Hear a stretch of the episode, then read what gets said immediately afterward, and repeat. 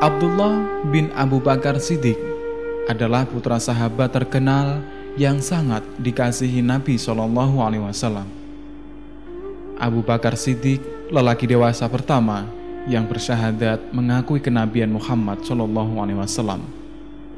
Ibunya bernama Kutailah binti Abdul Uzza yang melahirkan Abdullah dan Asma. Abdullah adalah seorang penyair yang lembut dan fasih dia menikahi Atikah binti Zaid, saudari Zaid bin Zaid yang termasuk sekelompok sepuluh sahabat yang mendapat jaminan surga.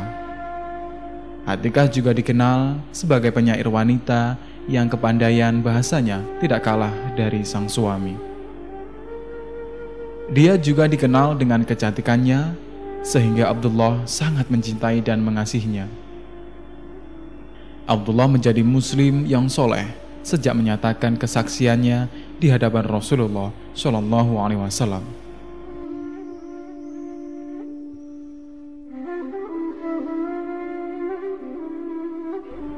Dia berjuang dengan mengerahkan harta serta jiwa dan raganya demi keagungan Islam. Saat Rasulullah Shallallahu Alaihi Wasallam berhijrah ke Madinah bersama ayahnya Abu Bakar Siddiq, Abdullah membantu mereka dengan menyampaikan kabar tentang apa yang terjadi di Makkah kepada mereka. Selama tiga hari, kedua bersahabat itu bersembunyi di Gua Sur sebelum melanjutkan perjalanan ke Madinah. Abu Ja'far atau Bari menuturkan bahwa saat mereka bersembunyi menghindari kejaran kaum Quraisy di Gua Sur, Abdullah bin Abu Bakar mendatangi mereka setiap malam, menyampaikan berita tentang keadaan Makkah dan upaya yang dilakukan para pemuka Quraisy. Menjelang dini hari, Abdullah baru kembali ke Mekah.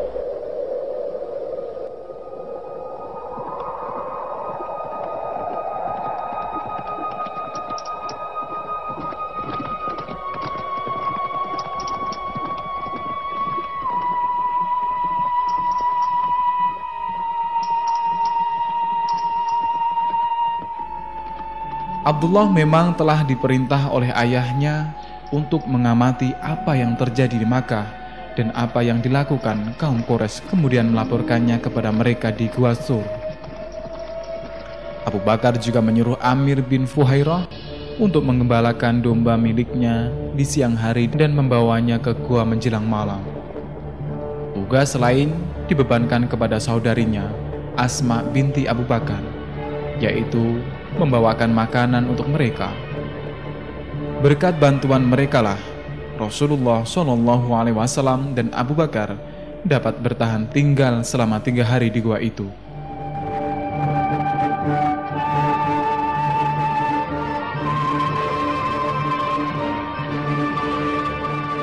Akhirnya, kaum Quraisy merasa bahwa mereka tidak mungkin lagi mengejar Nabi Shallallahu Alaihi Wasallam dan Abu Bakar radhiyallahu mereka menggelar sayembara demi memburu Muhammad. Siapa saja yang dapat mengembalikan Muhammad ke Makkah akan mendapat hadiah berupa 100 ekor unta. Kabar penting itu tentu saja tidak luput dari pengamatan Abdullah. Sore hari itu, dia bergegas pergi menuju Gua Sur untuk menyampaikan kabar itu kepada mereka. Agar tidak menimbulkan kecurigaan, Amir bin Fuhairah menggembalakan domba majikannya, dan di sore harinya dia mendatangi Gua Sur membawa domba milik Abu Bakar untuk diperah susunya dan disembelih.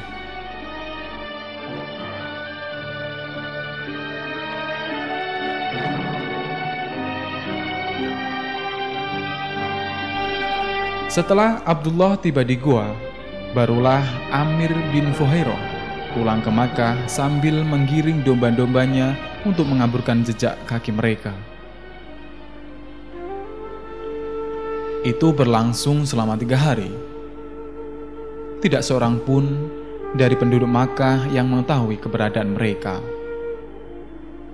Setelah Rasulullah Shallallahu Alaihi Wasallam dan Abu Bakar menetap di Madinah, beliau mengutus Zaid bin Harisah dan Abu Rafi untuk menjemput dan memboyong istri beliau, Saudah binti Zam'ah dan putri-putri beliau ke Madinah. Abdullah bin Abu Bakar juga diutus untuk menjemput seluruh keluarganya, termasuk Ibunda Aisyah dan Abdurrahman. Keberangkatan mereka ke Madinah ditemani oleh Tolhah bin Ubaidillah. Abdullah tak pernah ketinggalan sholat berjamaah bersama Rasulullah. Saat datang suran jihad, dia langsung mempersiapkan diri dan berangkat bersama beliau.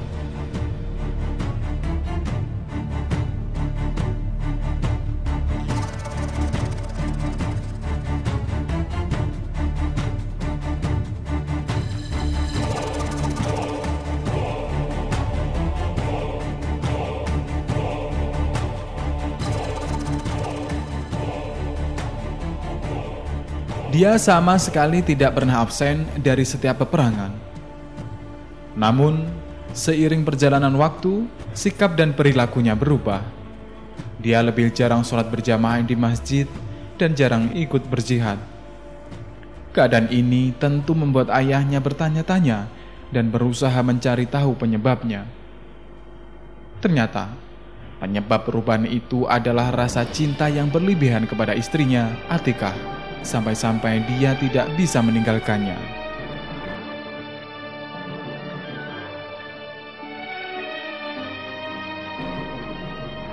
Sebagai ayah, tentu Abu Bakar sangat khawatir menyaksikan keadaan putranya yang mengabaikan agama demi seorang wanita. Maka dia meminta Abdullah mencarikan Atika. Sungguh, permintaan yang sangat berat dijalankan oleh Abdullah karena dia sangat mencintai Atika.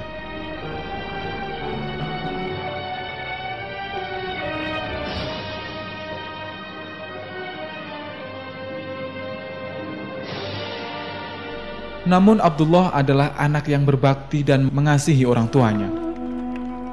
Dia tidak mau menentang keinginan atau perintah ayahnya. Dengan sangat terpaksa dan berat hati, dia menceraikan Atika. Abu Bakar merasa lega. Pikirnya, setelah bercerai perilaku Abdullah akan kembali seperti semula. Abu Bakar sama sekali tidak tahu bahwa perceraian itu membuat Abdullah terpukul. Akhirnya, perasaan itu menimbulkan gejolak amarah. Abdullah tidak dapat lagi menahan amarah dan dia gambarkan perasaannya lewat lantunan syair.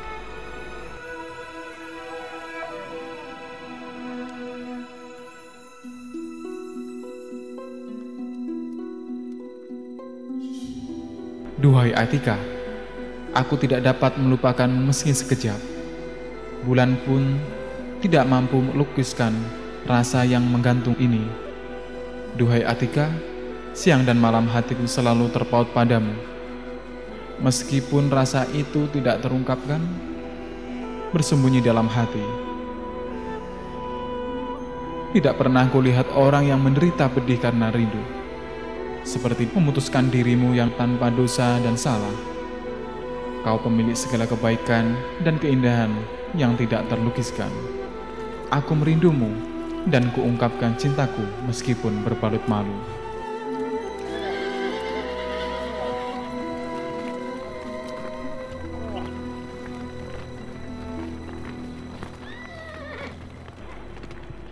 Saat sedang bertahajud di rumah, Abu Bakar mendengar ungkapan perasaan yang diucapkan Abdullah. Abu Bakar merasa kasihan melihat penderitaan batin putranya itu.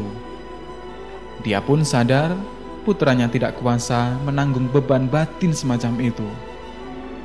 Rupanya perceraian tidak membawa kebaikan bagi Abdullah dan dia tidak dapat melupakan Atika. Karena itulah Abu Bakar mengizinkan Abdullah untuk rujuk kepada Atika.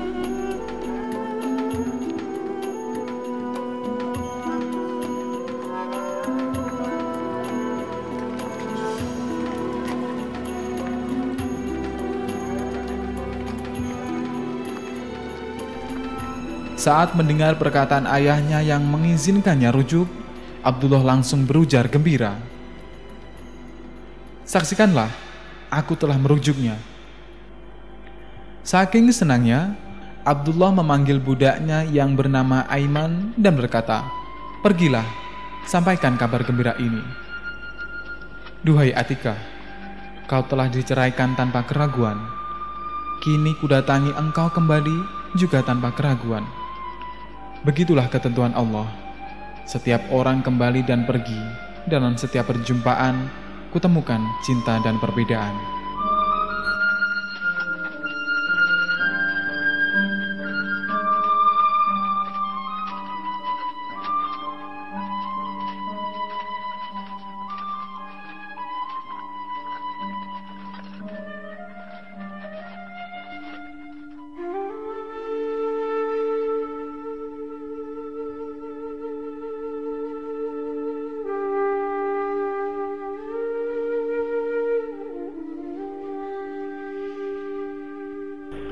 Kemudian Abdullah menghadiahkan sebuah kebun setelah Atikah bersedia janji tidak akan menikah dengan siapa pun setelahnya.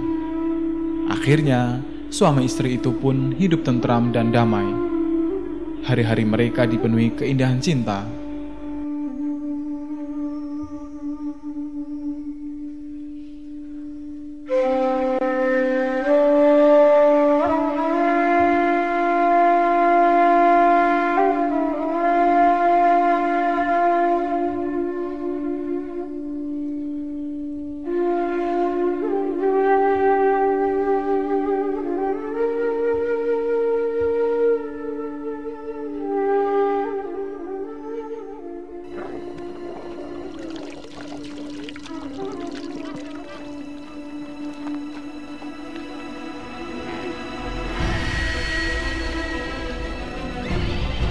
Tidak lama kemudian, datang seruan jihad ke Taif.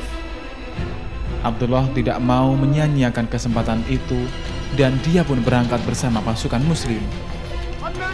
Dalam perang tersebut, dia terluka akibat anak panah musuh hingga dia jatuh tersungkur. Luka-lukanya belum juga sembuh meski terus diobati. Akhirnya, dia wafat kurang lebih 40 hari setelah wafatnya Nabi Muhammad Shallallahu Alaihi Wasallam.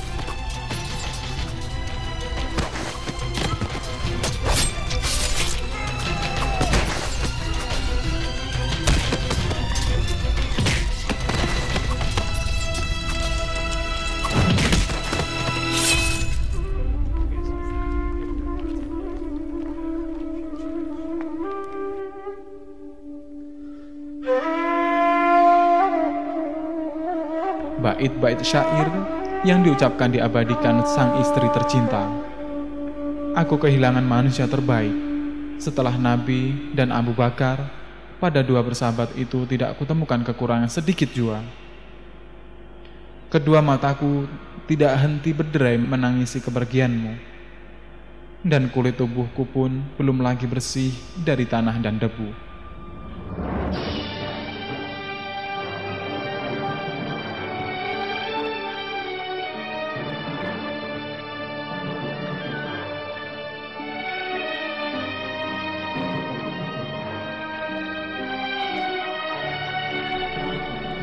Tapi Atika tidak dapat memenuhi janjinya.